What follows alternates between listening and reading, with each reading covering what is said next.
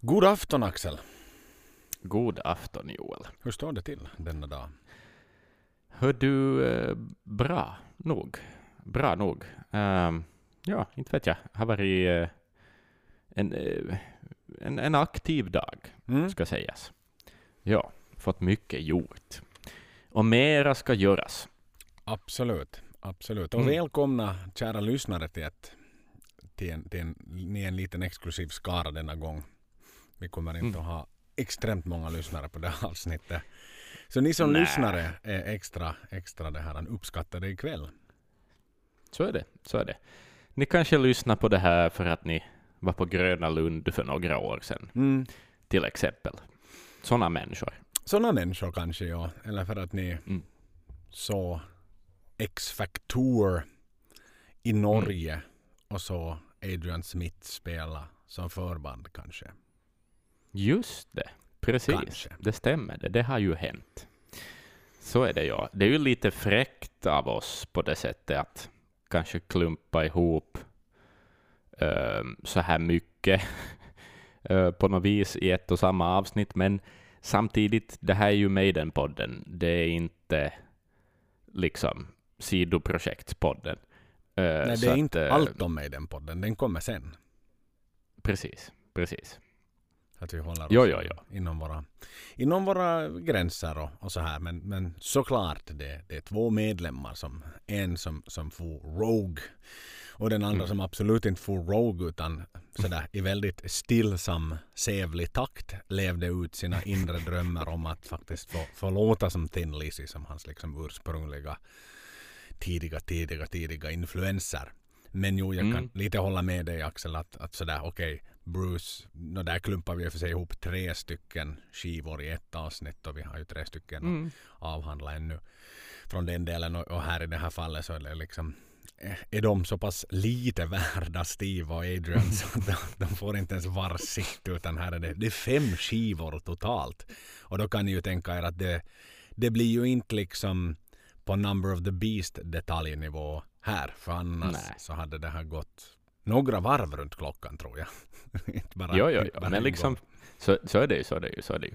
Och ja, men men det, det handlar ju om att få historiken komplett på något Mm. vis. Att det här är liksom ett kapitel som, ja, ibland i film så man visar kanske inte, om man inte är Martin Scorsese, så visar man inte liksom hur de sätter sig i en bil, hur de kör till flygplatsen, hur de checkar in bagage, hur de väntar utanför gaten, hur de kliver på planet, hur de åker flygplanet, vad de gör på planet, hur de landar och vart de åker sen, utan man kanske visar ett plan som lyfter. Mm. Liksom. Så det är väl lite det vi, vi behöver göra. En liten, liten snabbspolning, men det är väl okej. Det tycker jag vi kan tillåta oss, exakt. Som Ja. sagt, man kan alltid komma tillbaka till musiken och, om man vill. Och Mm. lyssna på den själv och välja att göra fortsatta studier om, om livet helt enkelt. Mm. Som händer Precis. efteråt. Och än en gång lite sådär för att vi kommer aldrig ifrån metal 2000-begreppet. För även det här var ju liksom Adrians bäck tillbaka till metal 2000. Det var, han hade fått vara ute på grönbete nu i, i ganska många år och, och liksom resulterade i, i att eh, han, han då valde Maiden istället för att sen fortsätta med, med då Psycho Motel som ändå sådär var tänkt att inte aldrig ta slut utan det skulle liksom fortsätta Mm. som ett parallellprojekt men, men det liksom självdog då i samband, samband med att det ändå började konsumera så pass mycket tid Maiden på 2000-talet såklart. Så, så det, Nå, det så var en sån här, vi gör det igen sa de. Och så, du vet en sån klassisk. Men så fanns inte riktigt den där tiden. Nej, något sånt är ju livet. Liksom. Man kan ju hinna med så mycket bara. Det är liksom inte... Så, så är det bara. Nej, det var ju inte lika Eh. dramatiskt sådär, som när jag ändå faktiskt tog ste- steget bort från Stratovarius förband. Då sa jag ju Mm. faktiskt liksom riktigt upp mig sådär. Och sa att hörni, Just det, får- ni la inte på hyllan. Liksom. Nej, nu, nu får ni fortsätta utan mig, sa jag. Så liksom vände jag i dörren och, och vände på klacken Mm. och traskade bestämt ut och sen hörde jag aldrig mer av mig till dem. Vilket jag faktiskt inte Just har det. gjort så många år senare heller. Så att liksom, vi har en beef, där, en rock'n'roll beef där. Just det, no, där har ju liksom... Där har ju faktiskt varit lite och så att säga vänsterprassla i ett gammalt förhållande här nu i kommande, den här gångna veckan. Jag har faktiskt fått, eh, mitt, mitt gamla band har eh, slutfört sitt tredje album och jag håller på att lägga på lite keyboards och lite mellotron och Hammond-grejer och sånt på den skivan. Så att, Nej men eh, vad roligt. där är jag ännu med lite sådär lite grann, Mm. som någon sorts, jag vet inte vad jag ska kalla men jag är Steves bastekniker kanske, Okej. eller något sånt. Ja, ja, jag får vara med lite och smyga på och ha sig. Ja. Det är ju jätte... En inhoppare till Steves bastekniker. Mm.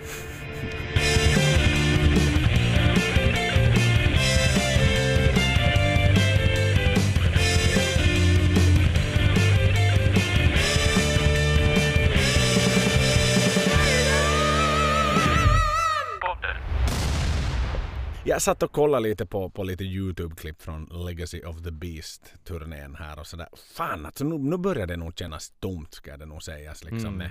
Mm. då man in, okej, allt är framflyttat till nästa sommar, men in- in- inte finns det ju några garantier. Vi vet ju det Nej. lika bra. Liksom Ja, ja, sådär. ja. Om inte kommer ett vaccin och det liksom på något sätt, vet du, hela världen lyfter restriktionerna mer eller mindre ganska simultant. Så sådär, mm, ja, jag är inte ju jätte, jätte, jätte, jätte säker på att vi ser den nästa sommar. Naturligtvis hoppar jag av hela mitt, hoppas jag av hela mitt hjärta.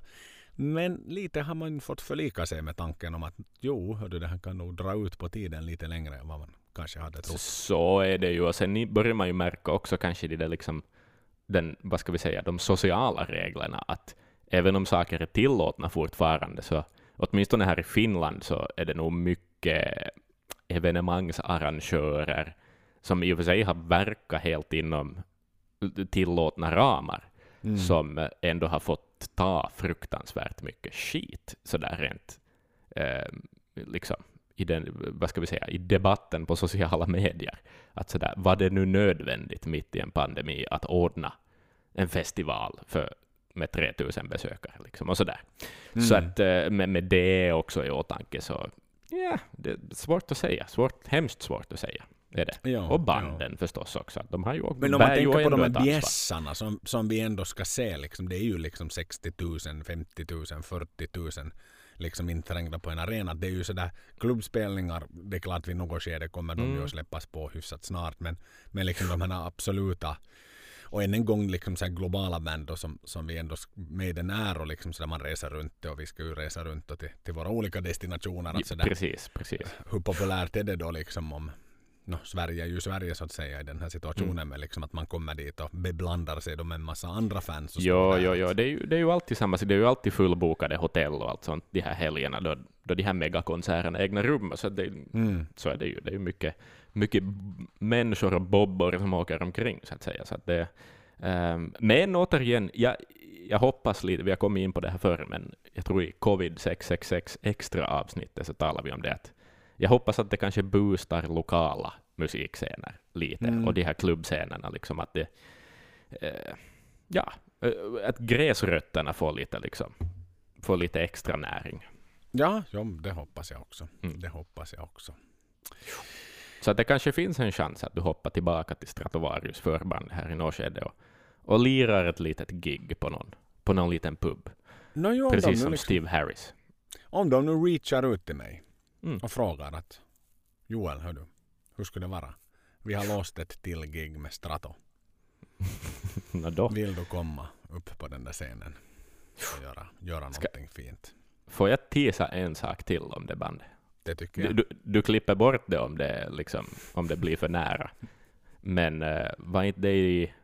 Skulle det vara kanske med en spelning, eh, en, förbandsspelning för Stratovarius i Eurajoki kanske? Skulle, Det hur skulle skulle det nog- vara? No, nu skulle du vara på det stället, ja. Nu skulle du Mm. vara på det stället. Nu när vi ändå är inne på det så där, vi har ju varit inne på att vi, vi spelar då som, som fina förband. Det- Ganska tidigt, det var ju några andra förband däremellan också, så vi, vi Mm. var ju liksom först upp on the bill så att säga. Precis. Äh, så det var ju inte hemskt mycket folk på, på, på vår konsert. Det var en kille som hade somnat. Som var överförfriskad så tidigt redan så det var ju lite tråkigt. Men det lustiga är ju att då sjöng jag ju sen senare på kvällen. När vi Mm. var liksom klara och, och sådär undanpackade med allting så hade de karaoke, en karaoke-del också där på, Mhm. på det här etablissemanget och som vi var. Och då sjöng jag faktiskt ähm, den här ähm, no, Black Diamond på karaoke. Ja, just det. Och jag hade mycket bättre publik när jag sjöng karaoke-låten än vad vi hade när vi stod med bandet på scen. Så där, det var mycket bättre liksom känsla och feelis. Mm. No, men eh, ja. Så, så det kanske Sånt är det jag ska livet. göra i så fall. Köra en Ja. liten karaoke-turné. Det, En tribute till Stratovarius. En liten karaoke-turné när klubbspelningarna kommer igång igen. Det är ganska innovativt ändå. Mm. Det, liksom, att, att ändå ta det seriöst. Res land och rike runt.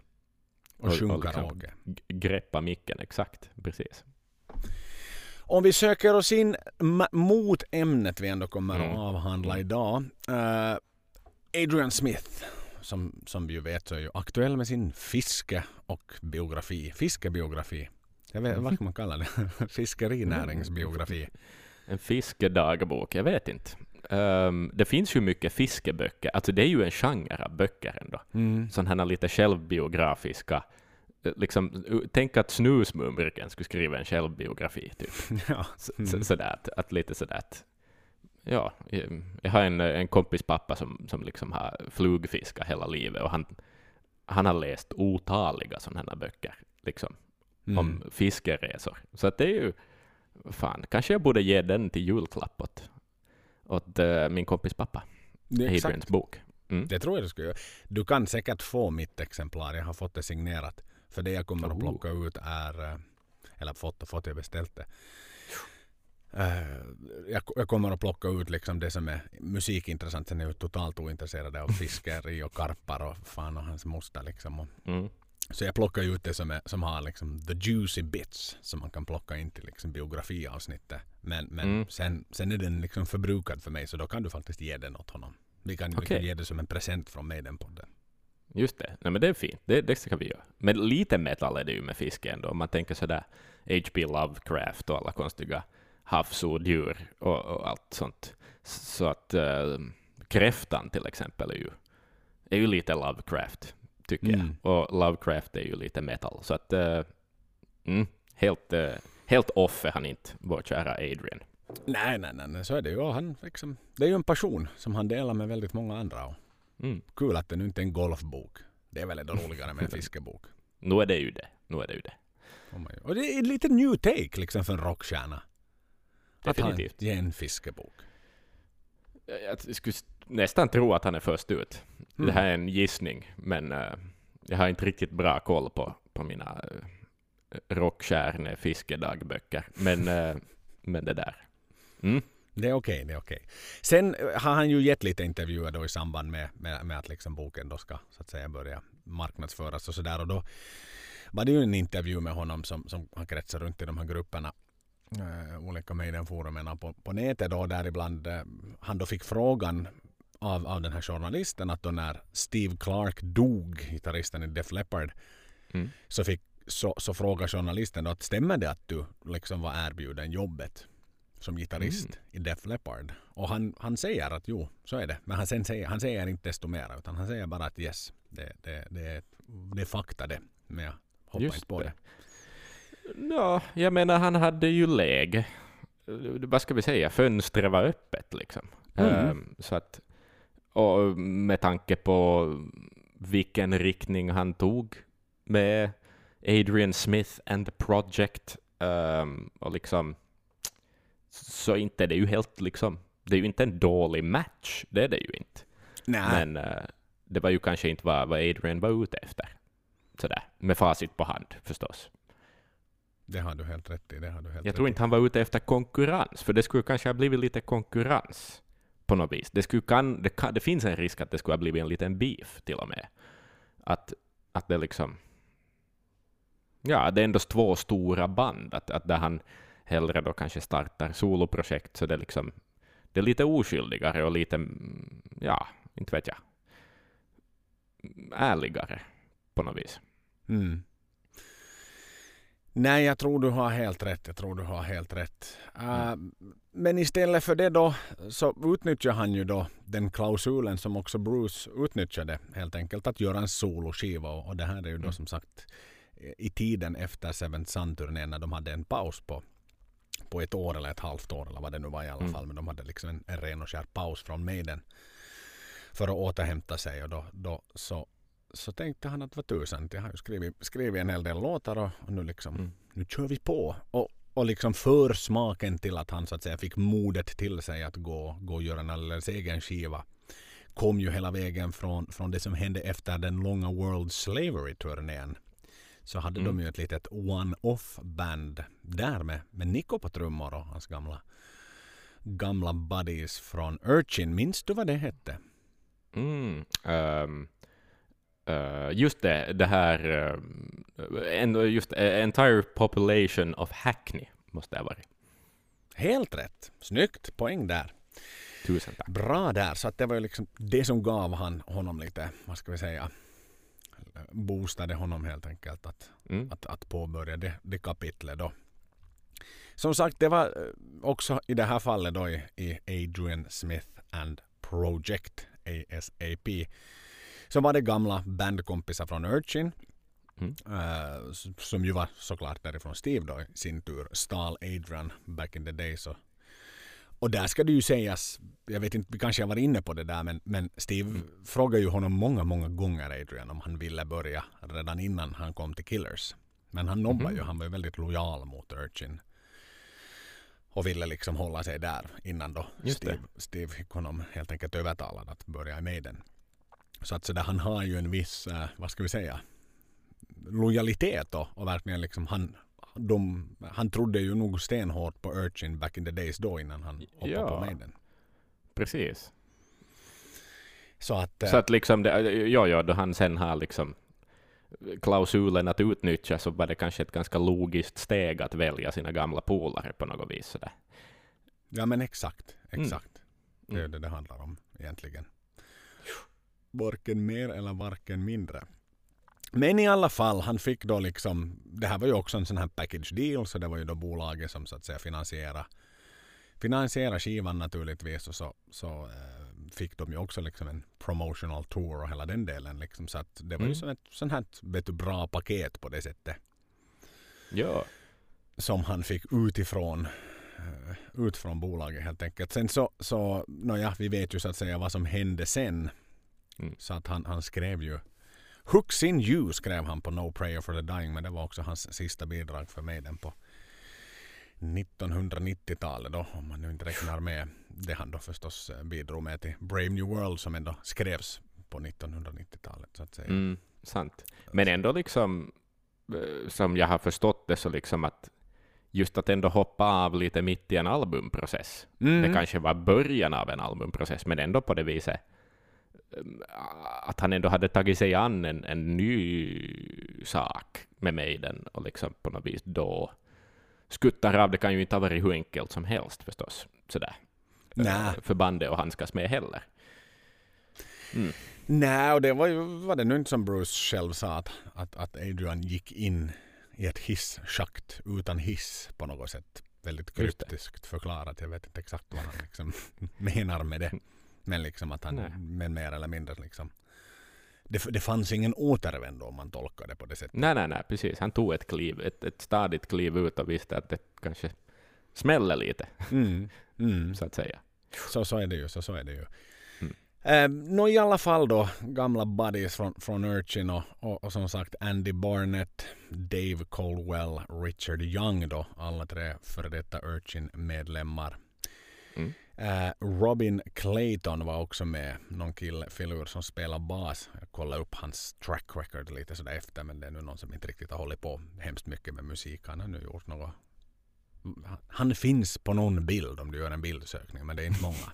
Sådär. Så det. det visar ju liksom att att naja, men vad fan, bara för att Mm. man har spelat med Adrian så behöver det ju inte betyda liksom att det är din biljett till att bli framgångsrik. Nej, och sen är det ju kanske som en genre också sådär. Um, Ja, det där lite glamrockiga, det, vad ska vi säga, det kräver inte en Steve Harris på bas, om vi säger så. Nej, nej så är det ju verkligen. Och han, igen i det här fallet var det väl lite sådär. Han behövde ett komp för att förverkliga Ja. sina drömmar. Precis. Som han ändå satt på liksom. Och, och, och, och sen på trummor då, Zack Stanley. En väldigt, väldigt, väldigt, eh, namnet i sig säger kanske inget för den som inte vet direkt vem Zack Stanley är. Men det är en arvtagare till, till nästan kungligt blod i England. Mm. Ja, just det, just det. Så det är så att han är, han har bytt namn från Zack Star då kanske. Mhm. Visste Om vi han det? så. Visste han det? Så det är Ringo Stars pojke Mm. som ackompanjerar skivan Adrian Smith and Project Silver and Gold. Bara det är ju lite småtufft faktiskt. Det är ju lite, Ja, alltså det är ju i samma kaliber nog som att ha Bonham, Jason Bonham. Ja, och sen såg jag också en gång eh, Bruce Springsteen spela med Max Weinbergs son. Åh, nice! Ja, så att eh, det, finns, det finns ju en klubb, Mhm. en klubb av legendariska trummissöner där ute Ja, i världen. och jag gillar den klubben ganska starkt faktiskt. Ja. Ju mer jag tänker Ja. på det. Men Nikosson, han är mig veterligen inte trummis. Nä. Inte så att man skulle känna till i alla fall. Jag menar Bruce barn som musicerar ju, för Steves känner vi ju till, både mer och mindre Ja. framgångsrika så att säga. Men, Mm. men eh, Nico har inte liksom sådär trocklat på ett par pinnar på honom och tvingat honom att, Nej, att bli en McBrain. nej. Kanske han är jävligt bra på att göra ribs istället. Exakt, exakt. Mm. Det kan ju vara det ja. Eller så är han, eller så är hans son så meta så att han, han spelar i ett coverband av hans pappas coverband av Maiden. Precis. Så de gör Just det. cover på den coverversion som Nico gör i sitt coverband av Maiden. Precis, det är liksom tredje ledets trasiga telefoncovers liksom. Exakt. Ja, det var det fint. Det blir metade så det bara sjunger om det. Det är, så att man näst, det är liksom som Bob Dylans livespelningar nu för tiden, så att man inte riktigt känner igen, Mm. man inte riktigt vet vilken låt det är mera. Men Mm. man får lite gissa sig fram. Exakt. Jag hittade, eh, kolla upp lite förstås, ju researchar lite grann. Och jag hittade Adrian Smith and Project på MySpace. Hoho! Va? va? Nu, Jaha. nu vet jag inte om det är någon sån här fan-made page eller om det För jag menar den här kom ju ut liksom. Skivan kom ut... eh, 95? nej, nej, nej, nej, in- inte den här. Den kom ju ut. Nej, ja just det, nu blandade jag på Psycho Motel, just det. Exakt. Precis, 89. 89 var det väl? 89 kom den här ut exakt. Mm. Så då fanns det ju inte. Inte ens MySpace fanns då. Men det känns som att det är helt som att det skulle vara helt liksom le- legitimt att det skulle ha funnits då. ja men MySpace måste nog ha funnits 89. Någon sorts kassettår där eh, service-sak exakt. eller någonting. Men där Cool. hittade jag dem, där hittade jag dem i alla fall. 166 vänner har de och 413 som har connectat med dem. Mhm. Sådär enligt, enligt förrgår siffrorna. Det kan ju vara att det har hänt någon transaktion plus minus vänskap där. Ja. De fick ju då en, en, ganska gedigen turné också då tillhörande mm, som de fick göra med, med eh, Adrian Smith and Project en slags promotional tour förstås. Men, men skivan floppar ju ganska duktigt rent försäljningsmässigt. Mm. Så att den liksom gick inte riktigt hem trots att då Adrian promotade den på bästa möjliga sätt. Mm. Um, man gjorde ju Mm. musikvideo på, på liksom singeln Silver and Gold också. Och nu är det Mm. ju så fint när hockeyfrilla Adrian står där och, och liksom får, får uttrycka sig i den musik han ändå ville att Maiden, kanske nu inte ville att Maiden skulle gå i hela vägen. Men när man lyssnar på den här skivan den är Mm. ju så, det blir ju inte mera 80-tal än det här. Musik kan inte låta mera 80-tal än det här. Nej. Nej, det är allt. Det är som om Def Leppard och Whitesnake fick ett barn tillsammans, Mhm. eller någonting. Alltså det är liksom, det är ju, han är ju så bra på att skriva de här sakerna, det måste vi ju ändå ge honom. Men han Mm. låter ju som David Coverdale då han sjunger. Ja, Och, och liksom, och, och, den är, och Brian ja. Adams förstås, släng med honom ja det dit. också, Och, jepp, jepp, jepp. och lite eh, Gary Moore kanske och sådär liksom i, i stuket. Som, nej, den är ju Ja. den, den är så ofant och det är så mycket synt på den här också. Mhm. På den här jävla Mm. skivan. Så att man märker verkligen liksom han hade inte någon lust han att hoppa på hoppa på Marshall Stack-tåget med Maiden utan han skulle ha synt. Mera synt, mera synt, mera, mera Mm. synt. Det var bara det det skulle vara och hits. Och, Japp, och, och liksom bara hits. stora låtar. De, de skulle till, ut till arenan igen. Ja. Men det ville liksom ingen annan i Maiden. Så att eh, så det, det, den är ju så natt och dag no, om du jämför No Pray for the Dying och den här Mm. skivan. Ja, ja, ja, det... På en- Alltså på sätt och vis, alltså det är ju som man... Det finns inga Maiden kvar i det. Alltså Nej, inte, nej, nej, inte, inte, inte, en- en- inte någonting. Alltså det som, skulle jag höra det här på en bar i bakgrunden, så tror jag inte ens att jag skulle tänka på att det är Adrian Smith som har någonting med det att göra. Uh, annat än kanske via något gitarrsolo, möjligen. Liksom. Ja, ja. Men eh, ja, Nej men så är det ju. Så är det ju.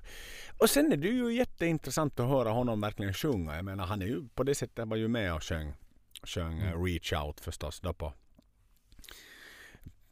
B-sidan som han släppte där. Men liksom Precis. han sjunger ju bra. Han är ju väldigt Jo, han är absolut stabil. en jättebra, jättebra rockröst. Liksom, att, liksom, eh, ja, nej, en bra sångare. Alltså inte, inte kan vi ju säga något annat. Men han låter ju som David Coverdale. Mm. Sån där raspighet. Liksom. En sån där raspig, raspig rock, mogen rockröst. Så är det ju. Så är det ju. Och han tog ju sånglektioner i samband med det här också. Aha. Vill jag minnas att jag läste i någon intervju också. Det var liksom första gången. Och, som han då satt och liksom sjöng skalor och så här. Kände sig väldigt liksom sådär olustig vid det. Att liksom, sådär, varför ska jag stå här och sjunga skalor och sånt. Men, men det gjorde han i alla Mm. fall. Och, och fick ju liksom en hel del vet du, kunskap om sin röst. Hur han liksom använde den i det också. Mm. Så det var ju ett, äh, nej, men ett spännande projekt måste jag säga. Och låtarna tycker jag inte... Jag tycker inte att låtarna... De är, de är välproducerade men de, de, de är ju nog väldigt liksom... Bygger ju... Jag tycker de låter ganska likadant. Ja, ja, och överlag liksom sådär att det kanske inte riktigt fanns plats för ett sånt band. Nej för än en gång, det är sl- 89 gavs den här ut och den, liksom, den borde ha getts ut fem år tidigare. För att Mm, liksom verkligen få ja. det här 80-tals, liksom, när, när det var så majestätiskt med 80-tals. Ja, sound. och sen tror jag att många av de där banden som vi liksom tänker på när man hör den här skivan också, det är ju ändå band som har en lång historia bakom sig och som gradvis liksom har byggt upp något eh, och nådde så långt de nådde. Liksom. Om det då är Docken eller Rat eller eh, Def Leppard och så vidare. Liksom att, att, att komma in lite sådär mitt i allt och lite göra den grejen, så det, inte, inte, det liksom, inte finns det några garantier för att det bär lika långt då heller. Nej, Att, för de börjar ju ändå från noll. Liksom. Inte, att, att den fanbase de har så är ju de som kanske kommer för att det är Adrian Smith. Att, men att, ja, Men så stor är hans individuella fanbase kanske Inte. ändå inte. nej. Nej, nej, nej. Det är några gitarrnördar liksom. Ja, men sådär igen vet du om man, om man ja, lite känner till mig. Sen var han ju snygg i och för sig. Han Han är har ju alltid snygg, varit snygg sig. Adrian. Så Mm. sådär, han kan Mm. ju ha haft några liksom groupies som sådär mera följde honom som person. Ja. Det är ju ingen omöjlighet heller. Men, men, Nej, jag, det är absolut ingen men omöjlighet. än en gång, liksom, han, han fick det här kommersiella ur sig, verkligen. För, för jag menar, Mm. den blir inte mera kommersiell. Musik blir knappt mer kommersiellt än det här. Speciellt om du har riktiga instrument som du spelar med. Ja, ja, ja, ja, så är det. Alltså det är ju som, ja, ja, precis. Det, det är så konstig genre det där också överhuvudtaget, att det på något vis räknas som hårdrock. Mm. Men det är, det är ju inte det. Är Nej, inte det är- det är hårdrock. Man kan, ifrån ingen kan påstå att det är hårdrock liksom. Och sen måste ju nog, eh, alltså målgruppen här måste ju ha varit USA så det bara sjöng om det. Ja, ja, ja, ja. För den är ju, alltså den är ju så Amerikavänlig den här musiken. Så jag menar, nu måste han ju ha haft kanske någon typ av hemlig ambition över att tänk om han blir the next big arena thing i USA. Ja, liksom. Sjukare saker har väl hänt. Sjukare saker har väl hänt. Ja. Så att, ja, vad tusan. Han, han gav sig på det liksom. Och, och, men som sagt, den, den liksom försäljningsmässigt så var inte riktigt något, något liksom perfekt. Och, Mm. och så där med fansmässigt, än en gång, jag vill liksom bara lite fastna kvar i det där att hur tog fansen det här då? För jag menar, det är klart att folk visste att Adrian Smith gjorde en soloskiva. Alla visste ju att Bruce Dickinson gjorde sin första soloskiva när han- ännu var kvar i Maiden. Men, Mm. men inte kan det ju ha gått hem hos de här liksom Die Hard Maiden-fans, metalheads. Det måste ju ha varit att vad fan är det här för dynga liksom? Det här är ju inte alls Jo, jo, jo, jo, jo. Definitivt. Det här är ju Det, så långt det skulle jag, liksom. jag ha tyckt. Mm. Så att Ja. det är ju lite risky Mm. business av, av Adrian samtidigt. Liksom att så där ta ett så pass liksom stort kliv och än en gång liksom den här när de gav ut och gick in i studion med den här så då var han ändå en medlem av Maiden ännu. Mm. Ja, ja, ja, ja, definitivt. Alltså ja, på det viset, det skadar ju kanske till och med, alltså det skadar ju lite kanske brandet på något vis Maiden. Mm. Eh, också, och, och med tanke på att Bruce mer eller mindre ju nästan exakt samma sak Exakt. med sin solo, solo, solo, första soloskiva åtminstone. Det är ju, det, där var ju det ju samma, samma plastiga Def Leppard-rock liksom på något vis. Ne- ändå. Maiden är fabriken som får råttorna att spränga ut och göra någonting helt annat för att de får möjlighet. Någon lite sådär kan ju liksom det yttre Ja. intrycket vara. Att de är Ja. liksom så hårt vet du, fastkedjade i sina metallkedjor där så att får de chansen så i helvete heller att det blir metall nu. Nu ska jag göra något. Bilda nya ABBA liksom. Exakt, genast. ja. Exakt. Så att det är ju också liksom fascinerande. Men sen ska det ju sägas att Urchin var ju inte metal heller. Liksom Nej. på den tiden. Och då var det ju som sagt sina gamla buddies som han ändå som han ändå fick med sig.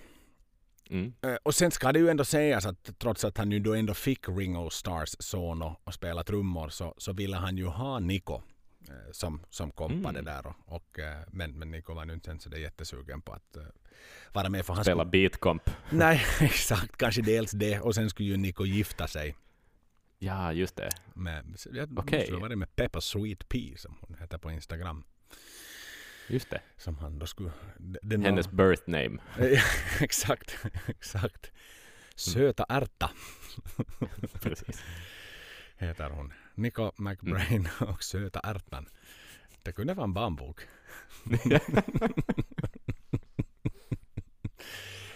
ja. Nå jo, nå jo. Eh, så att på den, den vägen. var- Och sen har du väl Nico måste ju ha varit i färd med att hålla på med sin Rhythms of the Beast på den tiden också. No, det också. Och suttit ja. ner. Precis. Tänk nu hur länge det tog för honom att skriva just låten Rhythm of the Beast ändå. Ja.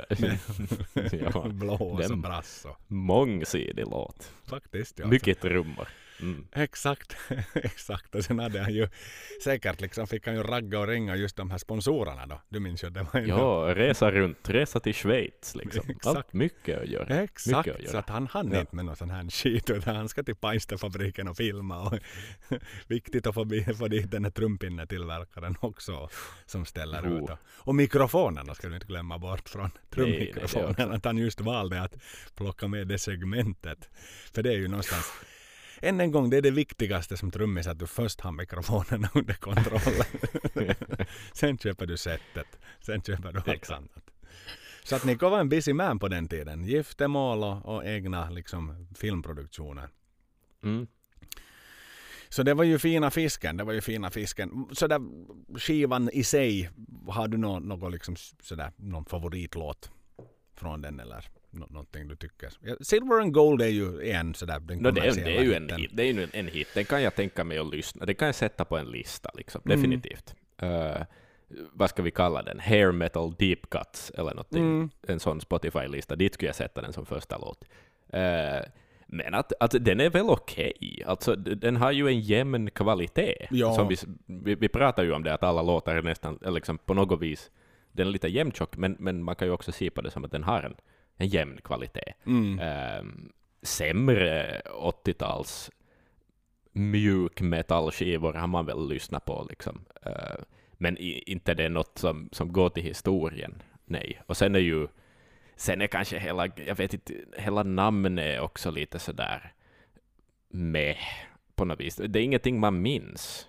Alltså, det, man minns ju det då man säger hela, men inte, inte som sådär det där som man förs- säljer bandet med, liksom ASAP. Det väldigt intetsägande. Det säger väldigt lite om genren, det säger väldigt lite, och omslaget var ganska, ganska fult. Och nu är liksom jag- så här. Så att, Ja, ja, ja, ja, det var lite slarvigt och hastigt framtaget. Mm. Nu ska det ju sägas att jag är nu kanske inte liksom någon sån här, vet du, mega insatt i hiphop, men, men så det, det tog nog en stund Ja, innan jag förstod vem ASAP Rocky var också. Så här, Rocky boxaren och eh, ASAP, sådär, alla vet vad det står för. Men det var väl det att, Men det var ju, Det var en sån här... Det var ju han som bara hade någon uh, grej, vad var det nu? Det var han, Han- som fick äta cowboysoppa i häktet i Kronobergshäktet i Just Stockholm. det, hade varit stackaren. Precis, ja. Men de har ju ett helt crew, det är ju också sådär, för det är så svårt att hitta ens liksom.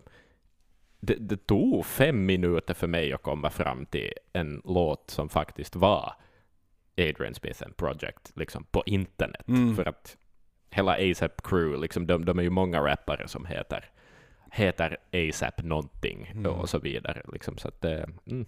Ja, ja, han har inte liksom, hans sökordsoptimering på Youtube är inte liksom trimmad i liksom perfektion. Nej, den är inte. Och jag tror inte att det är så många som sitter liksom och aktivt jobbar med att komma upp i sökträffarna för just Adrian Smith and Project. Utan, nej. Nej, och också på Spotify, om man kollar liksom Adrian Smith bara, så, Mm. så är det så är det nog hel mysko saker som absolut inte... Men han är på bilden. Mm. Eh, Adrian Smith är på bilden, den Adrian Smith vi känner, men han har inte stått för musiken på sin sida, om vi säger så. Aha, okej. Ja. Och det är några roliga grejer där. N- Ja, någon konstig ambient elektronisk musik och, och inte vet man ju vad han kokar ihop där. Det kan ju vara att han liksom helt enkelt bara gömt undan Sant. sig där. För om vi går någonstans eh, några steg vidare för, för det var ju jättetyst efter Adrian efter att då ASAP floppa. Han, han, gjorde, han Mm. slutade ju. Han, liksom, han tog helt paus och helt avstånd från musiken överlag. Han tog inte att han liksom spelade överhuvudtaget gitarr. Han tog, skrev inga låtar. Han gjorde, han gjorde ingenting. Utan han, Nej. han tog en Han break. gjorde väl något, han hoppade väl in, han var ju gäst på någon Maiden-spelning, var inte Ja han? men det För var det har jag han. läst Exakt. någonstans. Det var han på Donington 92.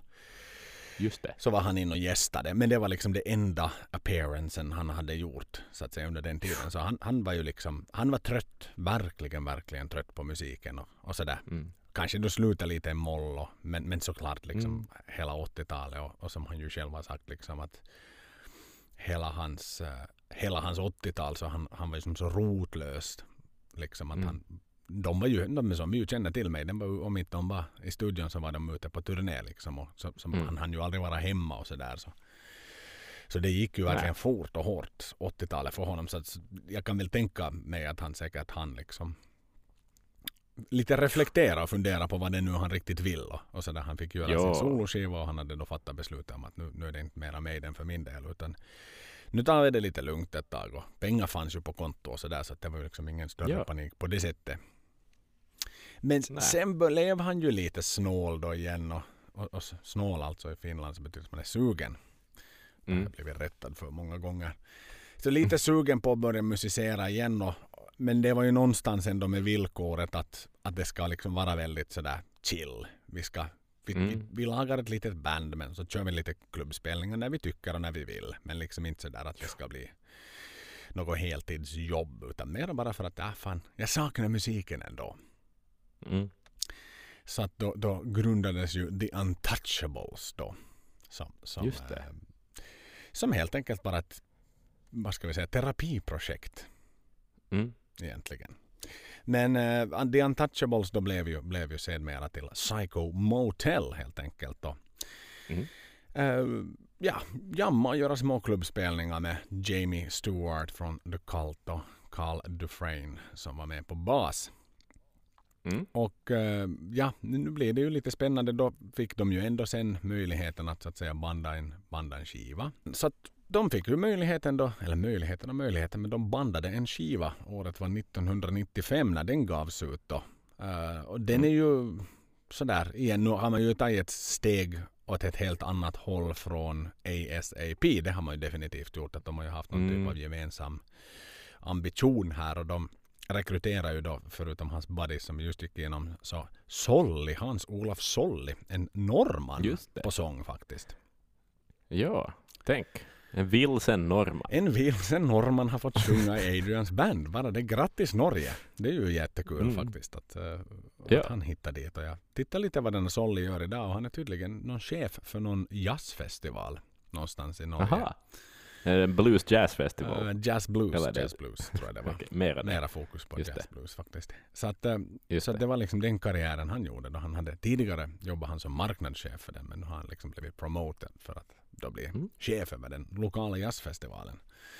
Ser du, ser du. Ifall alla undrar vad, vad den här Solly gör nu för tiden i alla fall. No, det vet du, man vet aldrig vilket pubquiz man kan behöva den kunskapen i. Nej, exakt. Vad gör Solly idag? Formerly known vocalist på State of Mind av Psycho Motel. Och alla känner till Mm. Psycho Motel som är Adrians sidoprojekt när han hade slutat i Maiden såklart. Ja, vi fan, vi borde spara den här till quizen, den här frågan. Hur många hade Ja. svarat Solly? Eller vad, vad gör. Solly idag? Alla som lyssnar nu, glöm det här. Glöm det här, vi tar Liksom. den sen. Vi tar Ja, den sen. men in black-pinnen fram nu och så glömmer vi det här. Exakt. Exakt. Nåväl, så eh, skivan gjorde man ju en klassiker på så man dunkar ju ut den i Japan först sådär. Vilket man ju alltid gör. Mm. Det är alltid lite kul det där med japanerna, att det är lite spännande. Men jag tror inte att de kom sig dit och spela. Nu är jag inte helt säker på det. Men, men, eh, men Mm. japanerna ska få sitt och de ska få det först. Det, är det bara inom metal och rock eller sådär generellt? Eller sätter man popmusiken det också är- först i Japan? No, den är ju en väldigt egen musikmarknad, den japanska marknaden. Alltså överlag. Så inte vet jag, kanske den måste bara bemötas på sina egna villkor, kan Mm. jag tänka mig. Alltså, för Japan är ju fortfarande också, alltså fysiska skivor är ju det, det man köper. Ja. Uh, vilket är sjukt skumt. Jo, jo, ännu fortfarande. Alla pojk, vet du, med sådana här J-pop pojkband och sånt, så släpper alltså fysiska skivor och det säljer fortfarande. Men ändå inte liksom Eh, som förr. Inte är det som att det varit som en kupa. Så att liksom streamande helt har liksom beamats förbi. Men det är väl lite så, är inte, jag är inte helt säker på till exempel om Spotify finns på den japanska marknaden ännu, för att de är ganska eh, protektiva, tror jag, de japanska liksom, verkarna på musikmarknaden med att, att behålla sin egen marknad. Så att det, jag har en del kompisar nämligen som skriver alltså popmusik till den japanska marknaden och de har förklarat att den är lite, den är lite skum, Mhm. men det finns också pengar att hämta där i och med att man betalar mera för musiken, så att säga, om du får en hit. Mhm. Så att, eh, Alltså det är ja. bättre royalties där. no, det, blir, det blir väl det, i och med att konsumenten betalar ett högre pris. Mm. Så måste det ju Mm. vara. Men betalar de mera månne för livekonserter också i Japan? Så det generellt än vad man betalar på andra ställen. Mm. Kan vara, kan vara. Jag, jag kan inte uttala mig om det. Men eh, är det månne, ja, kanske det är därför det... Nej, men det, för det är ju en grej inom rock. Vi, vi har ju kommit in på det där med, eh, eller kanske privat, utanför podden så har vi talat om just de här finska metal-exportbanden, just typ Sonata Arctica och så vidare. Så de är ju alltid... De, de, samma regel har ju gällt dem. Ja, ja. de har väl Ja, det är ju så här, först- först i Japan. Först, ja, och första gången de ungefär får åka utanför Finland så är ju absurt nog Japan. Det är liksom inte kanske Ja. sådär Sverige eller någon, vet du, Tyskland. Tyskland, någon Ja. mellanstor sommarfestival i Tyskland. Utan det är alltid liksom Japan. Intressant nog som är liksom den här nästa marknaden efter att man är mogen från hemmamarknaden. Mm. Ja. Så att, eh, Jag måste helt klart eh, ta och snacka lite mer med mina låtskrivarvänner. mm. För det, det är en konstig marknad. Kanske Maiden-podden kan nästla sig in på något vis. ja, det skulle vara ja. Vi skulle få den liksom. Vår kassettrelease Ja, som vi som vi har tänkt den här boxen sen när vi är klara med det här. Mm. En sån här limiterad japansk utgåva som kommer ut några veckor före Japan. I alla fall. Exakt, precis. Jag vill ju ändå säga om Solly. Mm. Han sökte ju faktiskt Bruce plats Aha, när Bruce slutade. just det. Så att då var den katten Aha. utanför, utanför säcken så att säga. Det, men det var ju inte så få naturligtvis. Det var ju herrans många. Vi var ju till och med inne på att eh, no, Tarot-sångaren sökte den. Just det. Så att det, var, det var nog herrans... Jag undrar, jag undrar hur många demotapes totalt Maiden fick in. liksom. Mm. Sen då bestämde de ju sig och avgränsade sig för det skulle vara en britt sådär men alltså, det måste ju vara helt sanslösa volymer med kassetter om du tänker på jag menar alla skickar sig så här Ja. jag, du, liksom vet du normala, vet du vanliga små skuttar sådana som inte ens liksom på det sättet kanske var sådär professionella sångare måste ju ändå liksom, vet, du, Mm. tried their luck på något sätt. Ja, ja, men det är ju som en öppen ansökan. Det är ju bara liksom att skicka in och, och hoppas. Mm. Liksom. Ja, nej, men nu är det ju så. Nu är det ju så Mm. faktiskt. Ja, det, är det, som är, det, det är ju faktiskt, igen när man tänker på det här med Alltså jag kan, jag kan uppskatta den typen av rekrytering. Nu, Dragon Force gjorde ju så med, med, med en sångare i tiderna också att de hade en öppen ansökan. Var det nu inte så att eh, eh, Dream Theater också hade lite Eller var det liksom bara in, speciellt inbjudna gäster då när, när uh, Portnoy gick? Labrie kom. Nej, när Eller Portnoy nej, tackade för Portnoy stack, trummis, just det. trummis-audition. Jag vet- Ja, det hade de väl. Och det var ju någon som hade sökt. Du, jag har hört en story om någon som sökte jobbet för att vara trummis i Dream Theater. Och att det var en galen jävla... eh, de hade hyrt någon stadion, liksom. Mhm. Det, alltså, det var helt sjuk process. Och så satt de med armarna i kors bakom något bord som någon idoljury, typ. Aha. Vitsi, vem var det som berättade? Jag kommer inte ihåg mera, men det här... Ja. Ehm, men ja, typ som Idol, liksom. Fast progge metal. Ja, ja exakt. Mm. exakt. Nåväl, men det är ju tyngre musik som sagt denna gång, Mm. Psycho Motel. Nu är det ju inne i 90-talet, det märker man ju väldigt mycket. Det är ju liksom, Mhm, mhm. vad ska man nu kalla det, lite sådär hårdare grunge kanske? Ja. Ja, alltså jag skulle säga att jag har jag sk- jag skriver ner så här att det är typ hälften Pantera Mm. och hälften Soundgarden och sen lite Foo Fighters. Mati- matematiken går inte helt ihop där, men något sånt. Men grungeigt, ja, men och en sån där groovy, groovig, eh, riffig tyngd på något vis. Gans, ganska mycket Soundgarden skulle jag nog säga. Och där återigen också, vi snackade om det med, då vi snackade Bruce uh, första tre album, så han, han gjorde ju samma sak han också. Mm. Att det var ju supergrungigt det också. Liksom. Um, så att, uh, men det här är ju ändå liksom, um, det är absolut inte dålig musik alltså. Sådär att, och här tänker jag på det också att, att vi kom ju, alltså just då om man snackar meningsåtskiljaktigheterna som fick kanske Adrian att hoppa av och sådär, att, att någon del av honom kanske ville dra det i en mer progressiv riktning, Mm uh, Maiden sådär alla Seventh Son, men sen då han väl gör ASAP så blir det istället superpop. Men att här någonstans så är han ju inne i udda taktarter och, och, och liksom skumma ackordföljder. Det här är ju ganska progressivt, att, att då fanns det kanske ett, mitt, vid mitten av 90-talet fanns det kanske ett utlopp för honom att liksom göra lite mer progressiv musik Ja. eh, på det sättet. Så Soundgarden har ju också jättemycket udda taktarter, konstiga vändningar, rytmiska vändningar och så vidare. Mm. Så att, eh, mm. Ja, och sen Eh, men det- sådär jag- jag sign har of the times på något sätt också. Liksom, liksom. kan jag väl tro. Och förstås, han var ju inte ensam och bestämde här heller. Som vi var inne på. Utan Nej. det var ju från liksom The Cult också. Så då fick man ju någonstans enas att sådär. Det var inte bara vet du, en före detta Maiden gitarrist som, som var med i bandet. Utan man hittar ju på någonting tillsammans verkligen. Mm. Så att på det sättet Ja. så är det ju liksom väldigt eh, fascinerande det här med att Nej men det här kompromissande helt på nytt igen. För igen så där kom han till mig. Den då var ju allt färdigt. Ganska färdigt så det Mhm. utskuret åt vilket håll det var och vad det var. Nu startar de någonting helt på nytt. Och, och, och ska liksom Mm. hitta en, en genre då som är passande. Sen det är klart att de valde liksom någonting som ju lite flög på 90-talet också. Att sådär Ja, ja, att, ja, att förstås. börja låta som Number of the Beast lät liksom 80. Liksom, så det kan det ju inte göra då. Utan nu är det ju, man märker den ju verkligen liksom modern för sin tid på det sättet. Ja, också i produktion och allting. Alltså som, den är ju faktiskt jätte on point.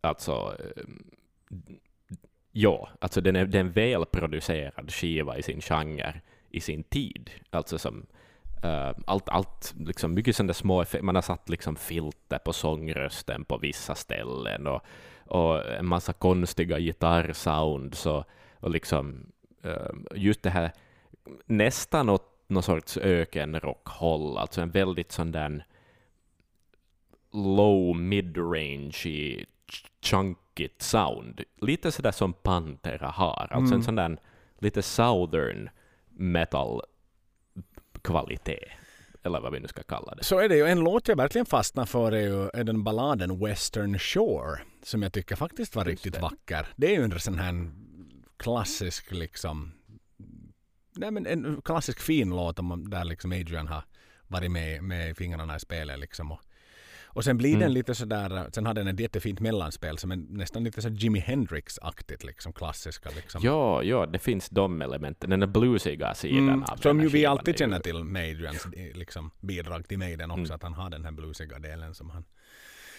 på, något, på, något på ett så kompetent sätt liksom gifter in i just Maiden. Mm. Ja, exakt. Uh, ja, men där är ju, alltså Psycho Motel är ju nog det, det lyssnar jag sen gärna på. Ja, liksom. ja, ja men det är nog en helt sådär, annan... Det, det, är ändå bra musik. Liksom, sådär. Det, mm. Han var nog lite vilsen liksom, sådär, under ASAP och bara igen, men då var det ju hans egna låtar som han ju hade skrivit under en längre tid och hade material kvar från och sådär. Så, men no, jo, mm. det hade kanske inte gått igenom så många kvalitetskontroller om vi säger så. Nej, liksom nej exakt. Ut. Men Psycho Motel det är ju spännande och det är liksom ja, men kaxig. Mm. Kaxig musik och inte det hemskt långt ifrån Skunkworks om man nu ska vara helt liksom ärlig. Nej, nej, det, nej det är det verkligen inte alltså. Verkligen inte. Um, nej. Um, ja, inte, alltså bra skit. Och för den delen, det blev ju inte bara ett, utan det blev ju faktiskt två album också. Mm. Och, och, och, som stilmässigt håller det måttet. Liksom att det inte... Det, det, är lätt att det skulle kunna bli brokigt och liksom flyga hitåt och ditåt, men att det liksom det är samma band ändå Nej, på båda albumen. Liksom, och sådär. Att, att, uh, och fan, nog kan han ju skriva riff och saker. Liksom. Okej, inte ska vi förstås sätta all cred åt Adrian, det är ju ett band. Men, men någonstans, alltså han är ju en god kompositör. Det kommer vi ju inte ifrån. Nej, det gör man och, och, och det där. Mm. Det gör man verkligen inte. Ja, som sagt en, en jättelik liksom, uppdatering naturligtvis från, från äh, tidigare projektet. Så att äh, för min del så tycker jag det här är en riktigt bra intressant skiva. Det skulle sägas att Adrian mm. var ju den som sjöng först innan man då rekryterade Solly. Så att eh, då när det bara var en trio så där, de lite, lite jammade men sen när de konstaterade what the hell, liksom, vi bandar in en skiva nu också så, så kör vi på med den. Och, och som sagt, det var under den här liksom, turnén då som, som de fick, fick två stycken konserter inför X-Factor. Det hade mm. nog varit tusan spännande att få vara med mm. på just dem. Liksom, och se Adrian först och sen så att säga Maiden då. Uh, spela. Det måste ha varit en ganska speciell liksom speciellt Ja, tillfälle. men då alltså fan vad djupt nere alla var då.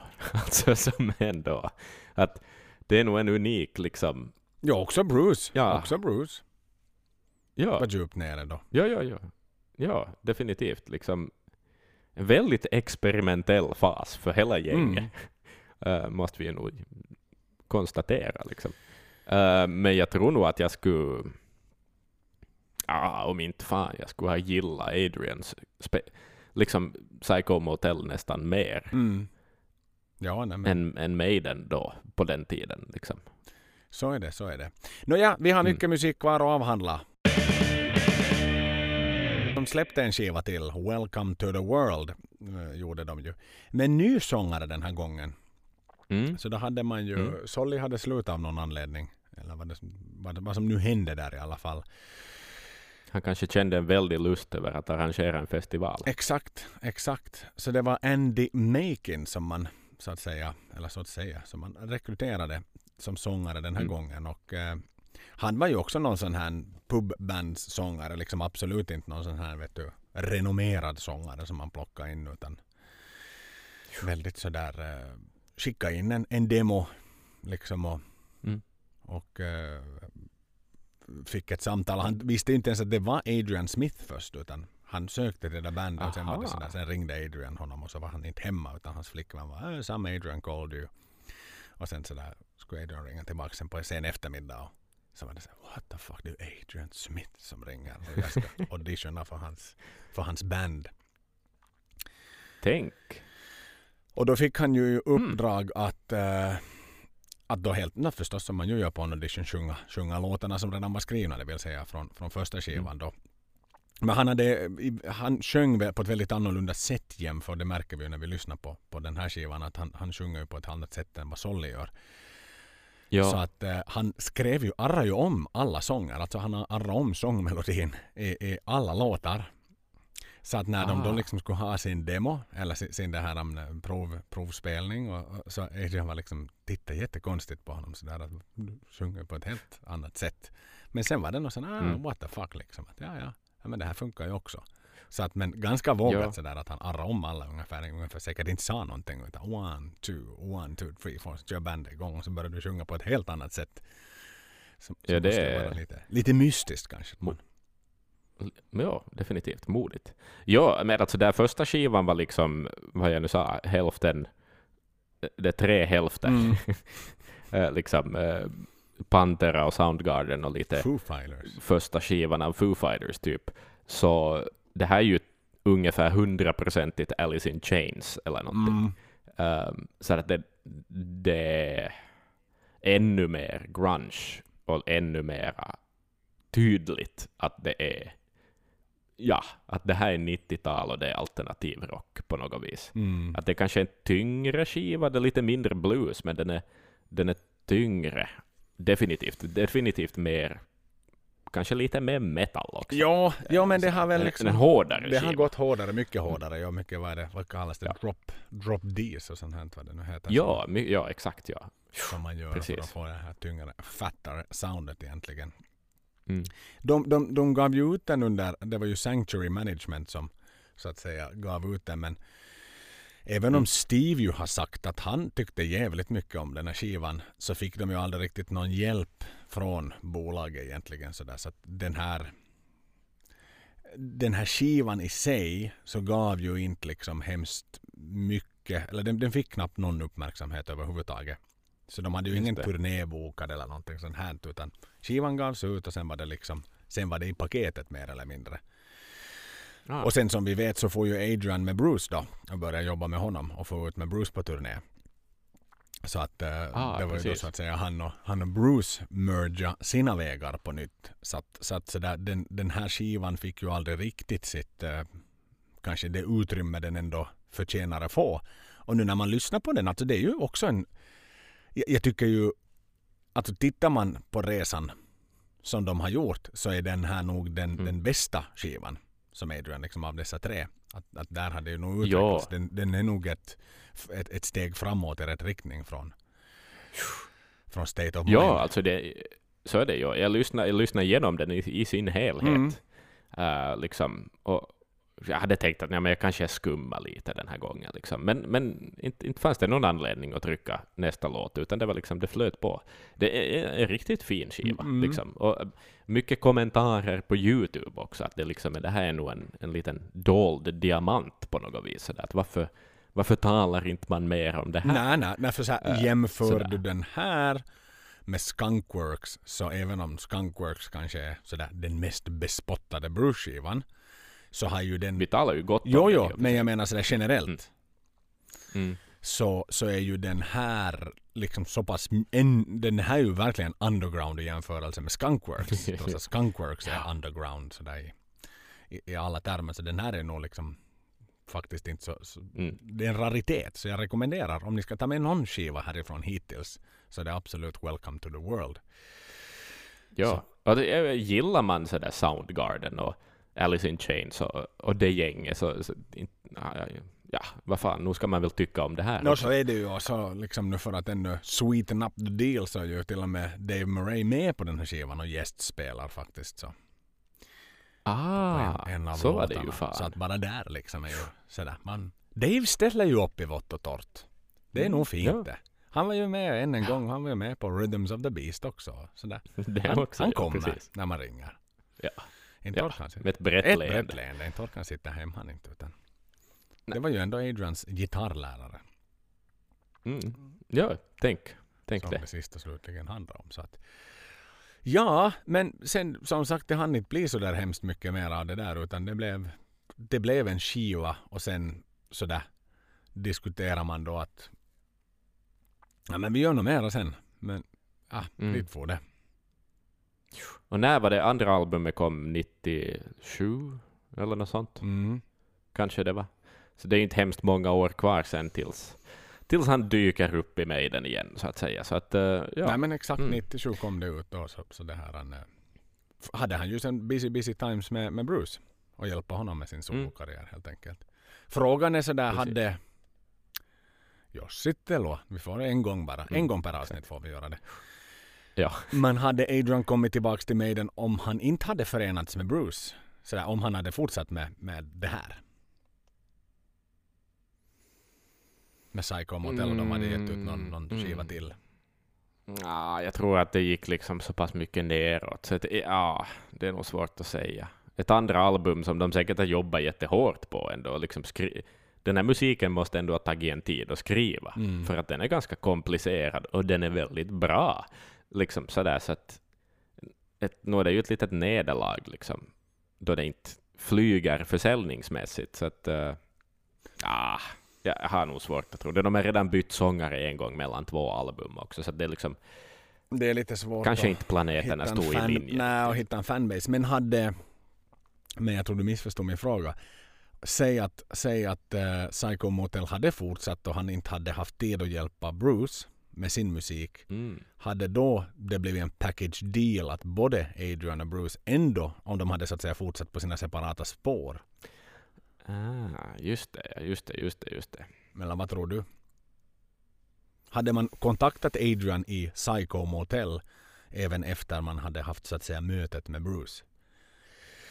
Eller var det lite sådär bidragande att no, men de har ju redan så att säga mergat ihop sig med Bruce solokarriär så att det är ju som ganska naturligt så där de är samspelta redan och sådär. Ja, sant. Jag tror nog du säger svaret Mm. där. I ditt spekulerande. Ja, ja.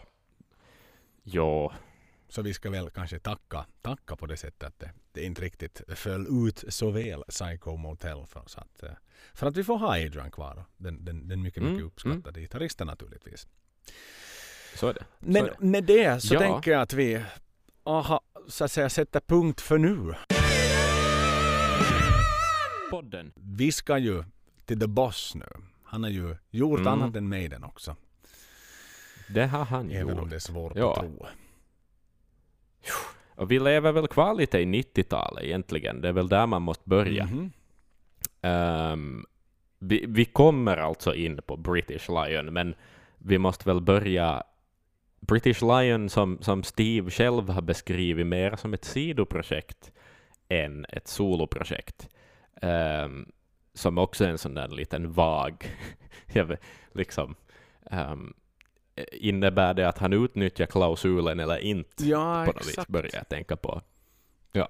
Ehm, men och ja, vi hoppar tillbaka till... Det var det en person som eh, väl var då Graham Leslie som, som hade skickat någon sorts demotape åt Steve Harris Mhm. på, på 90-talet. Här är mitt band, vi heter British Lion.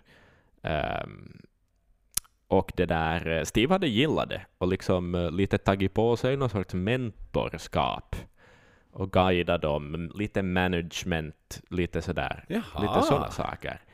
Tillbaks på 90-talet. Det, pro det känns som någon sån här pro bono-jurist. Ja, precis, Som liksom exakt. tar sig an någon sån här kvartersbarn från Ja. mindre bemedlade Nej, familjer. men, pre, liksom. pre, exakt, just, just sån. Vad härligt. Ja, eller hur? Fan vad Steve växte här.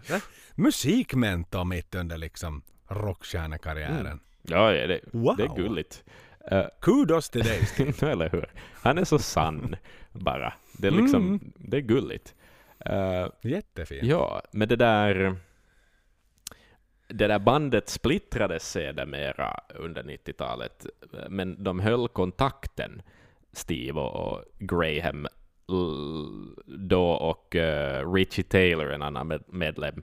Eh, och det där, sen kom det en till gitarrist med gängen, David Hawkins, och de liksom fortsatte på något vis att skriva musik ihop i alla fall, även om då Mhm. ursprungliga British Lion på något vis hade, hade splittrats och gått i graven. Eh, och det där... Ja, som sagt, han, han kände väl då Steve på något vis. Alltså, jag vet inte hur mycket kan en människa orka med. De har ju den här förmågan. Våra, våra gubbar i Maiden, de har mycket att göra. Liksom. Mycket sidobusiness Ja. som ska förverkliga sig själv på lite olika sätt. Och sådär. Så att eh, någonstans eh, det där... Men inte sitter de ju så hemskt mycket stilla. Så Nej. enkelt är det ju nog. Nej. De är nog väldigt liksom aktiva i, i allt, allt vad de håller på med. Ja. Men det här fan rätt jävla spännande att han liksom mentora upp ett, ett liksom litet band som hade idéer. Ja. Ja. Att han igen, på tal om alla demotapes som han ändå måste Mm, få, mm. att han då hittar den där ena ja, att han lyssnar på dem också. liten Liksom. sidohistoria Ja, faktiskt. Precis. Eh, men vad, vad kan vi nu annat säga om British Lion då? eh, han har ju lite då tagit över det här namnet på det sättet att, att första albumet de gjorde så är ju liksom Steve Harris British Lion. Ja, jag vill minnas det ja. Att det, det är det Jag som står minnas på det. omslaget också på det sättet att, att ehm, och det var väl en, en, det, tog, det var väl en jävligt lång process, och, och liksom just ett sidoprojekt, skriva lite annan musik tillsammans med de här människorna som han då på något vis har varit mentor åt, åt tidigare, att det tog i Maiden Business, jo, att det tog hemskt många år för dem att få ihop den där första skivan, som också är inspelad alltså i ungefär i fem olika studion, tror jag. Så det är liksom sådär, som Steve själv, säger, bits and bobs, liksom, som de har plockat ihop lite Mhm. längs, längs vägen. Ehm, Ah, Ja, okej. och det där, eh, men vad ska vi nu säga mer om, eh, om British Lion? Ehm, det är ju ett väldigt litet band, alltså sådär. Eh, att det har hänt till och med en intervju i Revolver Mag, tror jag det var som jag läste, att han spelar med British Lion i, eh, i det där Manchester. eh, British Lion åker alltså ofta på turné strax efter att Maiden har varit på turné. Tänk att man orkar. Och liksom, Ja, det är nog helt galet. Ja. Och de har ju varit för fan i USA på en egen turné Japp. Med British Lion också. Ja. Liksom att han orkar fara dit en sväng till. ja, men han sa, för det, det sa han om det också, att i USA så, så det där, han, Maiden har ju aldrig spelat klubbar i USA. Att det, det var som ett steg Nej. de hoppade över, men att, men att med British Lion så har han spelat en klubbturné. Ja, ja, och liksom fått se, fått se andra ställen i, i samma Ah. städer liksom på det sättet och sådär. ja. Det är ju intressant. Det- Klubbscenen i USA Ja. faktiskt. Ja, Nu när du säger det. så att eh, Ja men det är ju säkert liksom intressant då. Mm. Måste ju ha varit väldigt spännande för honom att spela på de här mindre. Ja. Jo, jo, jo. Och och just det där förstås klassiska. Du spelar ju i ett enormt band med en enorm infrastruktur, så hamnar du ju ofta ganska långt från publiken också. Steve har klagat på det där med, med liksom de här, vad ska vi nu kalla det, vallgraven mellan publiken och, och, och bandet. Att, att sådär, Mm. att, att i något skede byggde, byggde Maiden ut då istället sån här, liksom, vad vi nu, alltså de här pirerna ut i publiken, men sen kom bestämmelser om att nej, men då måste man också ha stängsel runt dem, och liksom att hur, hur, hur man än försöker så finns det alltid tre meter till publiken. Och liksom att han, han Mm. ändå har älskat det där med att, att få spela klubbar igen. Och ja, det var det jag skulle komma in på, att det, det har faktiskt hänt en gång i Manchester, så spelade alltså hans sons band Raven Age eh, och Steves band British Lion eh, samma kväll i Manchester, men eh, Raven Age spelar på ett större ställe. jag tycker det, det är jävligt coolt. Det är nog jäkla roligt det. ja. Fan är det. Ja, det är ju humor det. Mm. Och nu var det ju nu på, på Downloadfestivalen så var ju både British Lions inbokade och Maiden Mm. inbokade Ja, förstås. ja. Så han skulle liksom ha haft två konserter där. Ja, tänk. Men han har, han har sagt att han vill ogärna göra det samma dag. Att det liksom, att det nej, närmaste det, var har kommit var, det var typ dagen före. eh, Mm. Sådär, på samma, ja, på download då. Ehm, ja, så att ja, British Lion, eh, det är ju... Och jag har ju sett dem. Just det, Jag du var på sett dem. Gröna Lund, visst? Jag var på Gröna Lund. Jag var en av de få som var där och jag satt, jag ska nu villigt här erkänna att jag satt liksom sådär i panik och lyssnade på Steve Harris British Lion. Det hade ju bara getts ut en skiva då, Mm. än så länge. Väldigt länge sen var det som, skivan, det var ju inte någon typ av promotional tour de var på heller utan Nej. det var ju liksom fem år sedan skivan kom ut. Mm. Och så hux flux så ska de spela på Gröna Lund. Så att jag satt liksom och, vet du, painade igenom den på, på tunnelbanan och på spårvagnen ut till, ut till Djurgården Mm. och det här han, äh, Ja, så jag var nu inte sådär vet du, att jag kunde sjunga med varenda refräng precis liksom sådär när de kom på, kom upp men eh, inte för att, ja, kanske för att hoppa till musiken. Mm. Men jag, som sagt, jag hastade igenom den då Mm. och eh, mera bara för att nu ska vara lite förberedd och veta hur det låter. Mm. Men jag, vad jag minns i alla fall var att det lät mycket, mycket bättre live. Mm. Eh, de spelade jäkligt mycket bättre live. Och så var det ju precis som du är inne på det där med att man var så nära bandet. Ja. Alltså det är ens, där är det ju inga såna kravallstaket utan där står du liksom du kan ju liksom sträcka dig en meter in på scen och klappa i scengolvet Ja. om du så vill. Precis. Och vi var ju inte så många människor där heller utan det var ju bara Maiden-fans Ja, såklart. förstås. som var, det var bara Maiden-tröjor där.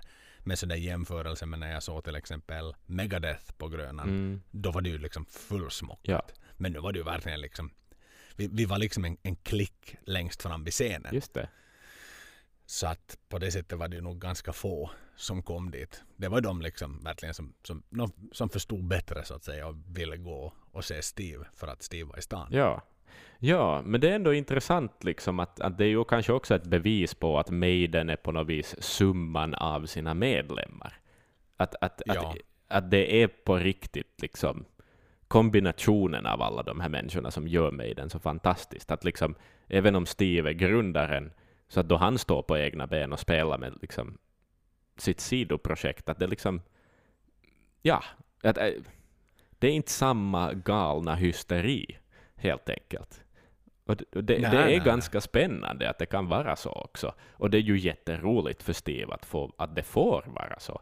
Eh, just Mm. som han, han också sa att liksom, i och med att de spelar på klubbar så, så får han också soundchecka. Vet du?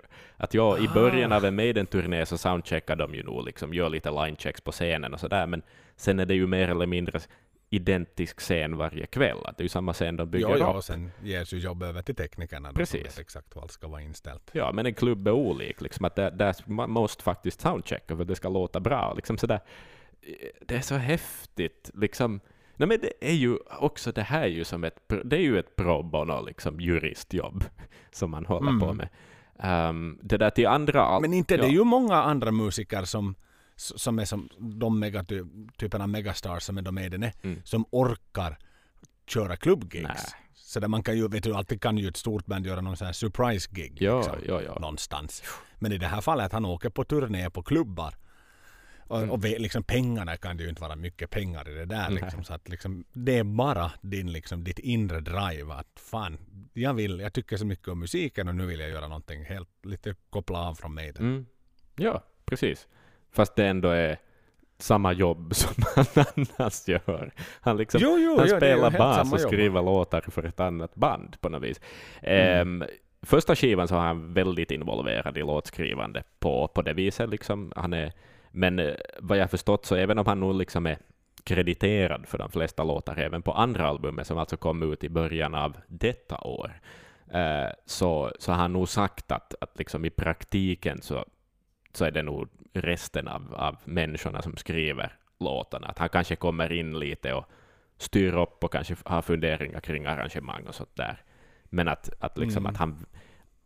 Att ha- han blir lite... Det finns en risk att bli kluven på något vis. Att vilket band skriver jag musik för nu egentligen och så vidare. Så att det måste vi ju förstå. Sådär, att, att, att han inte i misstag smyger in ett svinbra Maiden-riff liksom, till fel Mm. band eller någonting i den stilen. Sådär. Eh, Nej, nej, nej. Mm.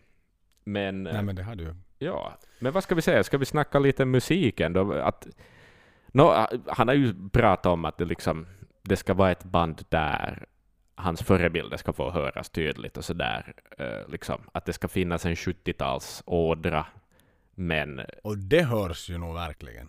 det gör det nog, men ändå inte så tydligt som jag skulle vilja att det skulle göra kanske. Och, Mhm. Men det är ju ändå en joint effort, det är ändå ett band och det är ändå de andra som har viljor också. Som han också konstaterar att de andra är kanske tio år yngre än honom, så de har kanske lite andra influenser och sånt, så det blir ju en salig blandning ändå. Eh, Ja. Men nu finns det ju definitivt en sån här på något vis bluesig brittisk 70-talsrock i botten. Eh, och hårdrock Mm. är det ju definitivt. Alltså okej, kanske hårdrock, men ingen metal liksom. Eh, Nej, nej, nej, det, det är absolut inte metal. ja, så att, Utan, utan det är som hårdrocken på den tiden. ja, Innan liksom pre-80s. Precis. Så att säga. 70-tals hårdrock ja, och skulle jag nog säga att det musikmässigt också mycket snack kring första skivan, att, att, liksom att, att Steve sa att han får liksom experimentera med ett annat sätt att spela bas på. Och, mm. och det där, det hörs ju nog, tycker jag, på första sidan. Det är inte det där samma smattriga soundet han kör med, utan det är liksom lite mindre tone i basen och han, han spelar liksom sådär mera plonkigt. Låter inte alla toner Mm. ringa ut på samma sätt och sånt. Men sen har han inte riktigt orkat med det till andra skivan då. Utan på andra, andra albumet så spelar han lite mer som, som man är van att höra Steve Harris helt enkelt. Eh, så att, men det är väl ett roligt band, liksom. Eh, men eh, om vi nu ingen har bett oss att jämföra liksom Adrians sologrejer med, med Steves, men, men, men nu tycker jag, nu lyssnar jag hellre på Psycho Motel till exempel, än att lyssna på British Lion, måste jag nog ändå säga. Mm. Ja, det, men det var igen, det var ju liksom... Kan det ha att göra med att, så att säga, Adrian var inte medellös, det var han inte, men, men han var arbetslös. Mm. Det var hans liksom leverne Ja. va, att, att spela i Psycho Motel. Så kanske han gjorde det med en gnutta större allvar, en, en gnutta större seriositet. Mm. Jag menar det är så två olika tider det här liksom. Jo, jo, jo. det skiljer liksom, inte nu riktigt 20 år, men, men inte långt därifrån heller mellan, mellan dessa två skivor heller. Och jag menar Maiden är i en extremt trygga hamn eh, vid det här skedet liksom. De har just nyss kommit hem liksom och har avslutat sin, är det nu inte typ eh, Maiden England-turnén liksom. Sån här Mm. skön best of liksom av Seven Sun-turné liksom. Och allt, allt är liksom, allt står i deras väg och de ska sakta men säkert börja planera Book of Souls-skivan som de säkert kanske till och med höll på för den sköts ju som sagt fram lansering av den då Mm. när Bruce var sjuk. Så att liksom han, och den här har då tagit så många år så att säga att skriva så att jag menar sådär stressen har ju absolut inte funnits där Nej. för Steve på det sättet. Och, och precis som du sa, han har inte varit så involverad utan det var det här kanske pubbandet eller de här liksom glada amatörerna som han var mentor åt Mm. som ändå har fått kanske ha, ha en stor del av ansvaret hur saker ska låta. Vilket du gör då att då har du inte liksom den här liksom, vet du, Steves jag tror inte sådär att alla låtar alltid går via Steve här som det liksom är som i Maiden. Nej. På det sättet, för det är en, det är en sån maskin. Ja. Så då blir ju resultatet lite som det blir såklart. Men sen ska det ändå sägas att, att eh, Kevin mixar ju skivan. ja, just det. Kevin Shirley. Så att eh, på det sättet sådär. Han, han fick ju nog liksom ändå, eller de med, med musikanterna fick ju användning för, för liksom Steves kontaktnät där Mm. måste jag säga. Ja, ja, ja alltså inte, inte säger jag nu att det är nödvändigtvis väldigt dålig musik. Den är eh, sådär, men det är kanske bara inte min grej. Jag, det känns som att jag har hört liknande saker förr. Och sen kan jag tycka att det är lite brokigt kanske. British Lion. Mm. Att, att, att det Ja, liksom... för det blir ju lite sådana ballader. Ballader och sen så blir det lite mera den här Karma Killer som jag tycker är en, en liksom kanske det bästa kanske är bästa låten, ja exakt, det tycker jag själv också. Den, den är nu väldigt välproducerad och liksom välskriven och liksom Mm. snygga de här gitarrerna. Exakt. Men jag kan tycka att Richard Taylors sångaren, Mm. alltså hans, hans röst är ganska liten Ja, men jag tycker att den är ganska. Den är, den är ganska ju mer skön. jag lyssnar på den. Ja, för det är en kontrast. Det är det som gör att det där bandet lite sticker ut ändå. För att den är som... Mm. Det är mer som att man skulle ha plockat liksom Placebo-sångaren och satt in honom med Steve Harris på bas, typ. Att det liksom, han, Ja. han, han är mer en... Ja, det är en annan röst. Det är inte en normal rockröst, utan den är liksom lite mera egen på något sätt. Sådär. Mm. Ja, det, men den är faktiskt skön sådär. Eh, Det, det håller jag helt med om. Liksom. Mm. Ett skönt sätt att sjunga på men liksom utan att vara absolut bombastisk. Liksom. Det är ingen reverb och det liksom är sådär Mm. Nästan som att man inte skulle ha mixat hans, liksom verkligen den är väldigt matt hans röst Ja, på något sätt. Sådär. Ja. Och det är verkligen han som sjunger ut. Ja. Så att, eh, men det var ju den här skivan då de spelar liksom rätt och slätt igenom och inte var det ju några covers på någon Maiden-låtar de körde där utan det var, det var det här och sen var det liksom Ja. spel, skulle de ha spelat någon cover på någonting men, Mm. Men alla Nej, nu tar jag gift på att inte spela dem någon Maiden-cover. Det skulle inte Steve tillåta med det här bandet att de ska börja liksom lalla runt på något sånt. Inte Nej, det skulle vara liksom konstigt. riktigt. Liksom. falla honom i smaken sådär. Och han är ju inte i det behovet liksom. Även om ju Bruce då tillsammans med Adrian spelar en hel del Maiden-covers Mm. sådär under solokarriären. Men det var kanske en annan femma, då var de ur bandet. Jo, jo, jo, här exakt. Det det är stor lite- skillnad. Det är jättestor skillnad. faller det lite Ja. pladask att han för det var han, han, grund, eller han grundade ju inte Steve Harris British Lion för att spela covers av Maiden. Han är ju inte Nico. Nej. Nej, Som nej, nej, nej, exakt. Mm. Uh, men hur var han då? Alltså hur var Steve på scen i det här bandet? Var det samma Steve eller var det en annan Steve? Nu var det samma gamla Steve. Nu, Okej. nu var det liksom stå och titta publiken barskt i ögonen, liksom uppmana folk att rocka. Och, Mm. och, och ännu större här har han ju det där ansvaret. Och jag minns ännu mera ansvarskänsla, eller ännu mera pliktkänsla kände jag eftersom Nåja, musiken var helt okej. sådär. Mm. Och, och jag hade nu som sagt lyssnat igenom den här skivan en, en eller två gånger liksom samma dag. Mm. Så att då kände jag ju mig ännu mer an, liksom, mitt ansvar att yes, titta nu Steve åt mitt håll, då ska den där armen upp och då ska Ja. jag liksom visa att jag är jättekommittad i den här musiken och den här konserten Mm. verkligen och engagerad. Än i Maiden när det någonstans allt händer naturligt och allt händer liksom på naturlig väg. Och det tror jag de alla som var där kände liksom att nu sitter vi i skolbänken och Mm. nu är det liksom magister Steve som säger åt er vad ni ska göra och alla liksom plikttroget och pliktskyldigt liksom. Japp, japp, nu, nu hejar vi här och nu klappar vi här och nu gör vi det här och nu gör vi det där. Men liksom nu är samma gamla kar. Så står och rockar med basen och kör sina moves liksom och, och sådär. Committad som alltid och liksom headbangar med håret och är jätteinvolverad. Att inte var han ju som uttråkad överhuvudtaget utan han, han var glad att spela på Gröna Lund. Ja, Det var han verkligen. no, men, och det verkar ju vara därför han, han har det här. Liksom. Mm. Att lite, handlar det kanske lite om att hålla fötterna på jorden också, på något vis. Sådär. Att, att, vet du, att, att vdn kliver ner till fabriksgolvet ibland, på något vis. Och lite liksom, att komma ihåg Ja. hur det var en gång också, på något sätt. Att inte tappa verkligheten.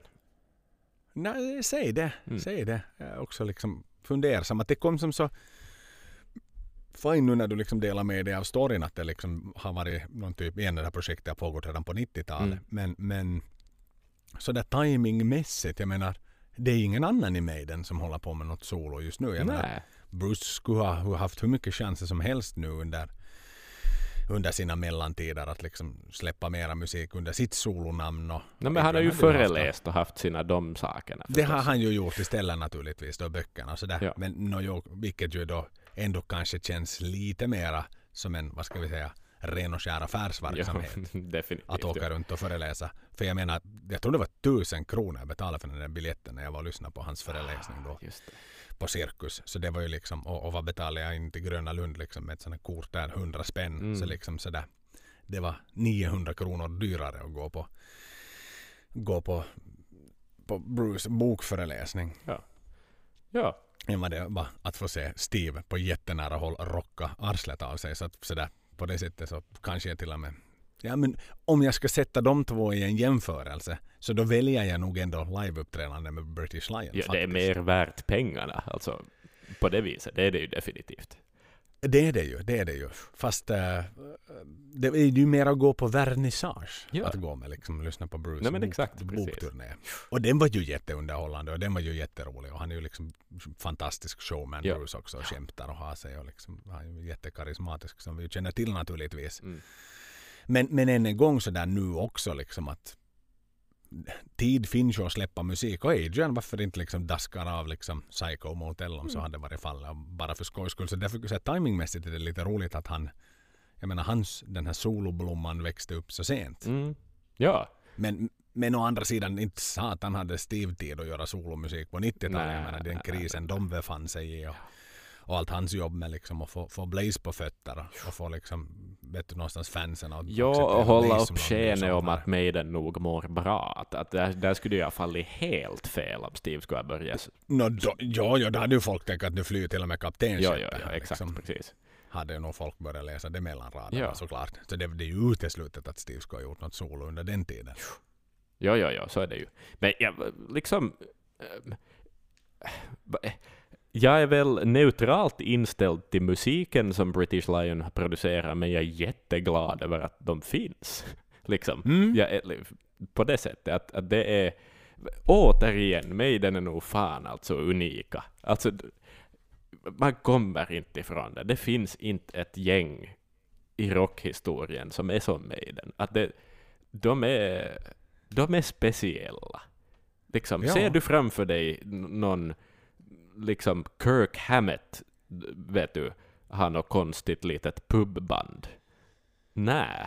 Nej, nej, jag ser nog inte fram för mig någon. Alltså man Nej. gör någon liten klinik med drumklinik eller någon gitarrklinik. Men inte liksom sådär att man committar och ger ut en skiva och faktiskt åker på turné Nej, med det- den också. precis. Med någon sån här random snubbar som ingen annan känner till. Jag menar det är ju inte sådär, ja det finns ju Det är inte en all- supergroup liksom. Nej, en supergroup, precis. all-star band. Utan det här är ju verkligen liksom, jag menar, de här filurerna som är hans medmusikanter, deras namn är inte ens klickbara på Wikipedia. de Liksom, inte. de har inte ens fått en subpage på Wikipedia. Så att liksom bara en sån sak.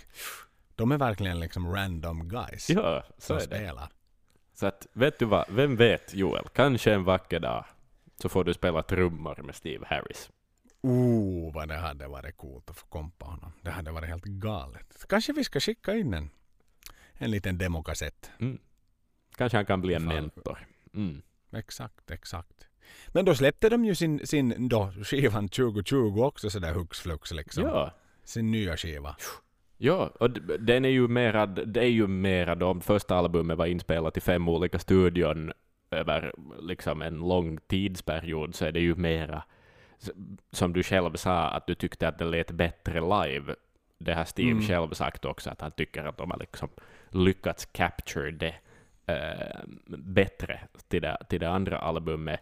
Eh, det kan jag väl vara benägen att hålla med om. Det, det är nog en mera liksom cohesive album på det viset. Och Steve verkar väldigt stolt över att det liksom har vuxit till ett riktigt band också. Att det kanske vid första albumet var lite sådär, man vet inte riktigt vad det är ännu, men att, att nu är det ändå definitivt det är ett andra album, det är ett, ett band som funkar och som far ut och reser tillsammans och, och liksom Ja. lyckas producera någonting och sådär. Så att Men om jag får vara lite, får jag vara lite giftig? det får du va?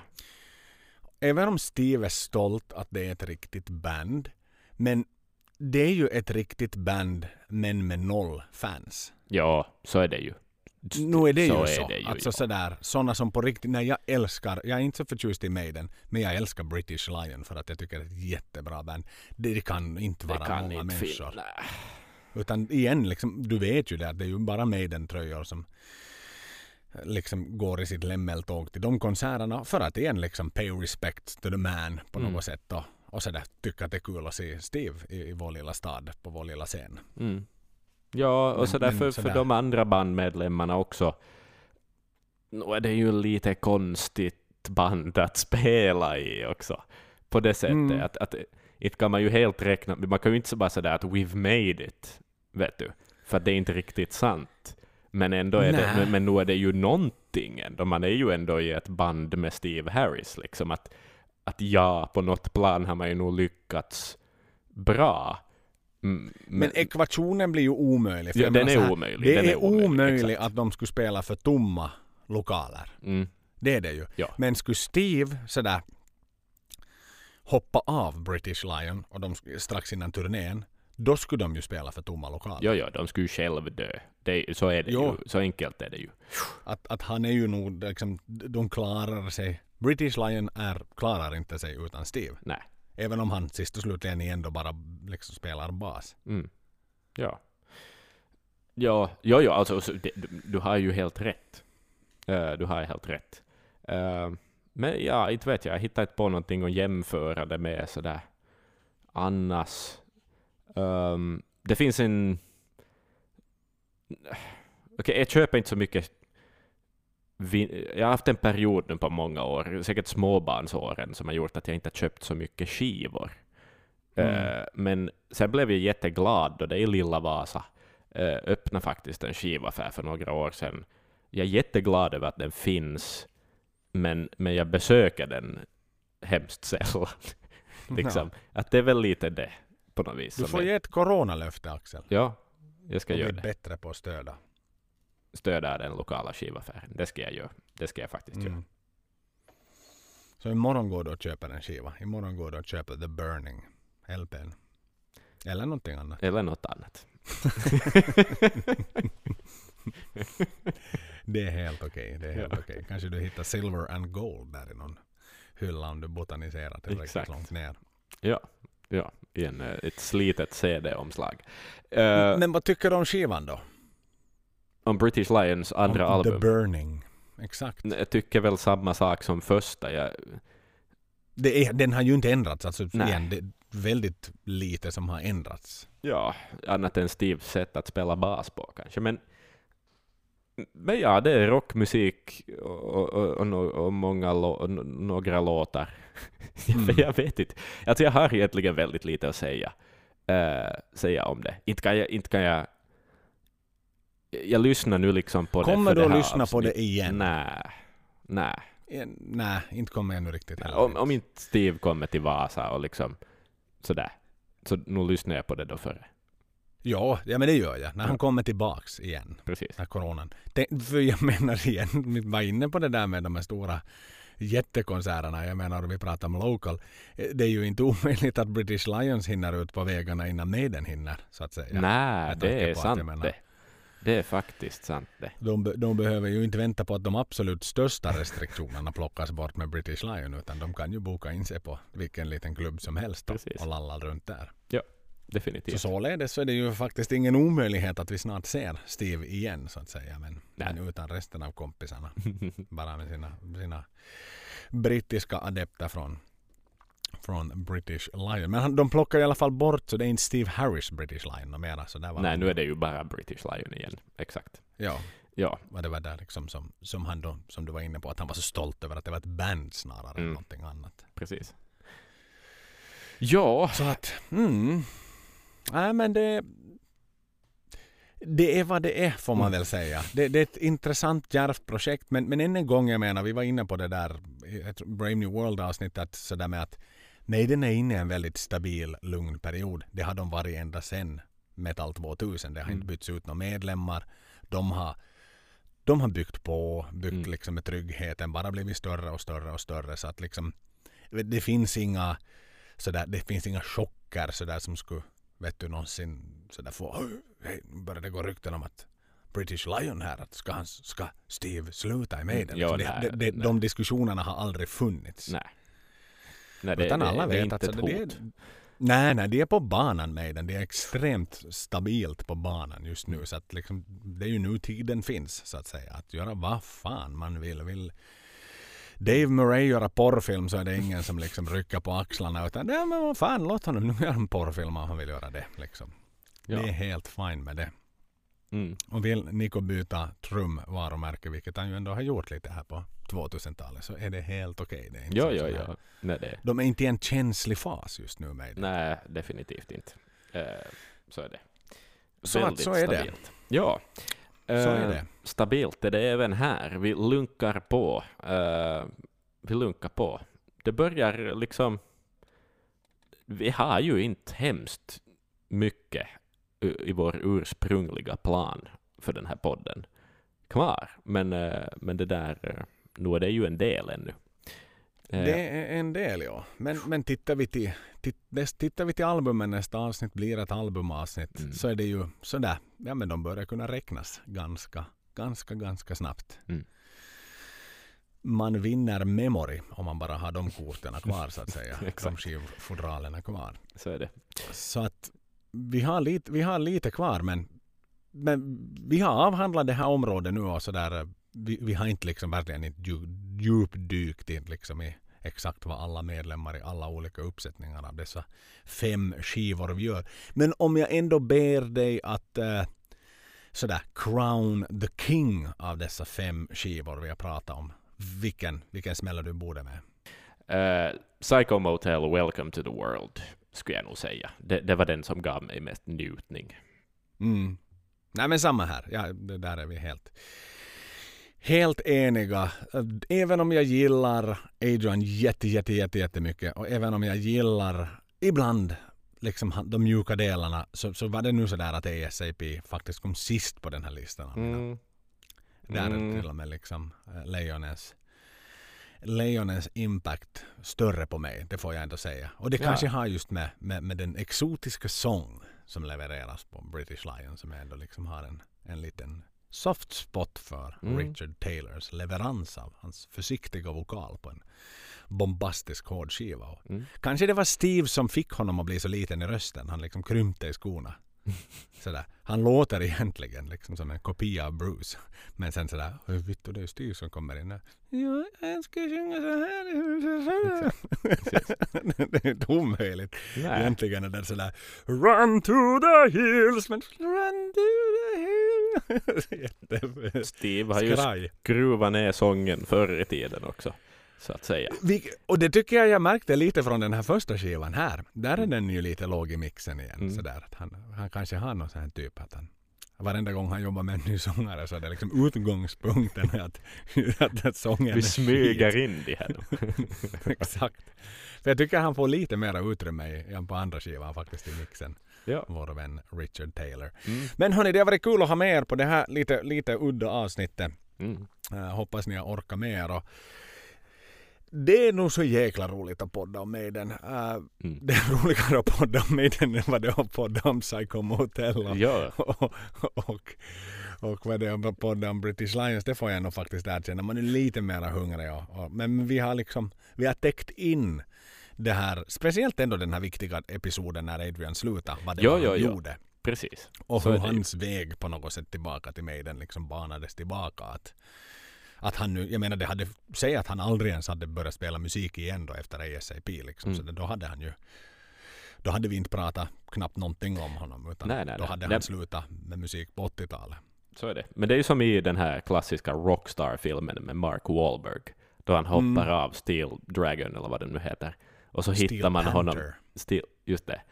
Så Nej, hittar Steel Dragon heter de. Steel Dragon, ja. Steel, Pan- Steel Panther finns ju på riktigt. De finns på riktigt. Eh, Ja. Men då man hittar honom i någon liten pub med en akustisk gitarr i Seattle, Mm. eller vad det nu är. Att det här är ju, det var ju liksom, det är ju Adrian Smith efter Maiden på något vis. Ja, ja, Efter ja. Men Maiden, jag tycker inte Maiden. om den där moral of the story liksom för hela liksom pointen i den filmen. Mm. Rockstars är ju, det är ju som sådär vet du att det är ju lite som moralpolis liksom för det, det får ju det lite fort för film, honom alltså det är en jättedålig film nu. Ja, och sen så slirade det ju lite hårt för honom och, och liksom då höll det på att skita sig då med, med eh, vad heter hon, från Friends. Jennifer. Aniston, exakt. Med Jennifer Aniston sådär. Så det var ju lite sådär vet du, moralen sa nog åt honom att han ska inte hålla på med den här djävulsmusiken och knark utan han ska gå tillbaks till liksom bli någon sån här eh, country-grej. Exakt. Nej, exakt ja. Ja. Sådär, så lite kanske sådär. Mm. Nu ska du inte vara ute och slir för mycket. Nej, precis.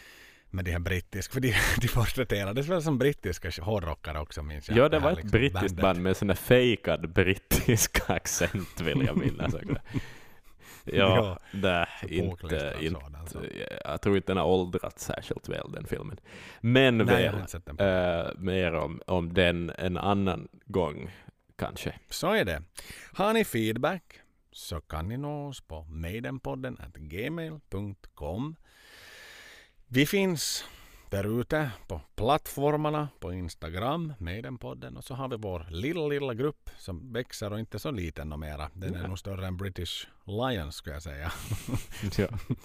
Vi har fler folk i vår Facebookgrupp än vad, vad British Lion har akti- aktiva fans skulle jag nästan våga Det påstå. kan, kan nog väl stämma. Ja. Så det har vi och eh, in och rate oss jättegärna. Eh, Mm. Om ni lyssnar på, på iTunes genom poddappen på, på Apples telefoner. Gå jättegärna in och dunka dit en, en femstjärna om det är det ni vill ge oss. Det är sånt så gör att vi också stiger i, Mm. stiger i de här olika karusellerna av, av olika ekvationer som gör att vi stiger upp. Och vi har ju börjat få lite sådana människor nu som sådär, vi kom som en sån här sugge- suggested next one. Exakt, precis. Så det är ju också kul. Så lite börjar den liksom hitta, hitta in sig i sin lilla katalog så att säga. Mm. Av. Och vi ser ju att vi växer alltså. Det är många där ute som lyssnar. Och det, det är så jäkla roligt. Då. Speciellt i liksom den här coronatiden när man, åh, man vill ha något som är Maiden. Mm. Man vill så hårt ha något som är Maiden. Och allt vi får är en Facebook-post idag där det står sådär I'm sure you miss Legacy of the Beast as much as we do. Here's a link to the playlist on Spotify. Det, är som sådär, it doesn't make my fucking day att lyssna på Where Eagles Dare från, från Peace of Mind sådär som ett substitut till att inte se. Legacy of the Beast-turnén live. Istället hade de kunnat säga så här Fuck it, we'll tease you. Next Mm. week it's gonna be the new album. Exakt. Something. Ge oss den där skivan. Ge oss den där jävla skivan nu, hej. Ge oss den nu. Ta hit den. Vittu ta hit den Ta hit den satan. Släpp den. Om någon av er är datanörd utan det bara helvete, hacka in er någonstans. Snö ut den där jävla skivan. För det, Mm. Även om vi liksom vill lojalt lyssna på den när allt finns. Men det sätter lite press på dem i alla fall. Ja, ja, ja, så är det. om ni nu slog den, snor den så ta nu en WAV-fil åtminstone. Liksom. Mm. Bra kvalitet. Kolla det senaste, liksom, senaste filen. Japp. Jo, jo, jo, så det är inte någon sån här tidig mix. Nej, precis. dator. Fina fisken! Men nästa gång då tuggar vi i oss ett stort, tungt, häftigt, magnifikt album igen. Får vi väl se Jo, jo, jo. vad vi har att tycka om den gången. Men Axel, det har varit ett nöje att spendera denna, ja, detta slut på augusti, sommaren Mm. med dig. Nästa gång så är det väl nästan formellt höst när vi Det det, det stövlar det in och, och tar oss an en, en skiva för att fira. För att fira att det nästan är ett år sedan, eller då blir det väl nästan på dagen ett år sedan vi faktiskt såg dem senast live. Mm. Ja, det stämmer det. Stämmer det. Så det inger väl en viss gnutta hopp i alla fall att det trots allt i dagsläget är under 365 dagar sedan vi såg dem live. Ja. Men det är lite för lång tid. Det hade kunnat vara mycket kortare sen. Så är det. Så, Så mina vänner, up mm. the irons. Puss och kram.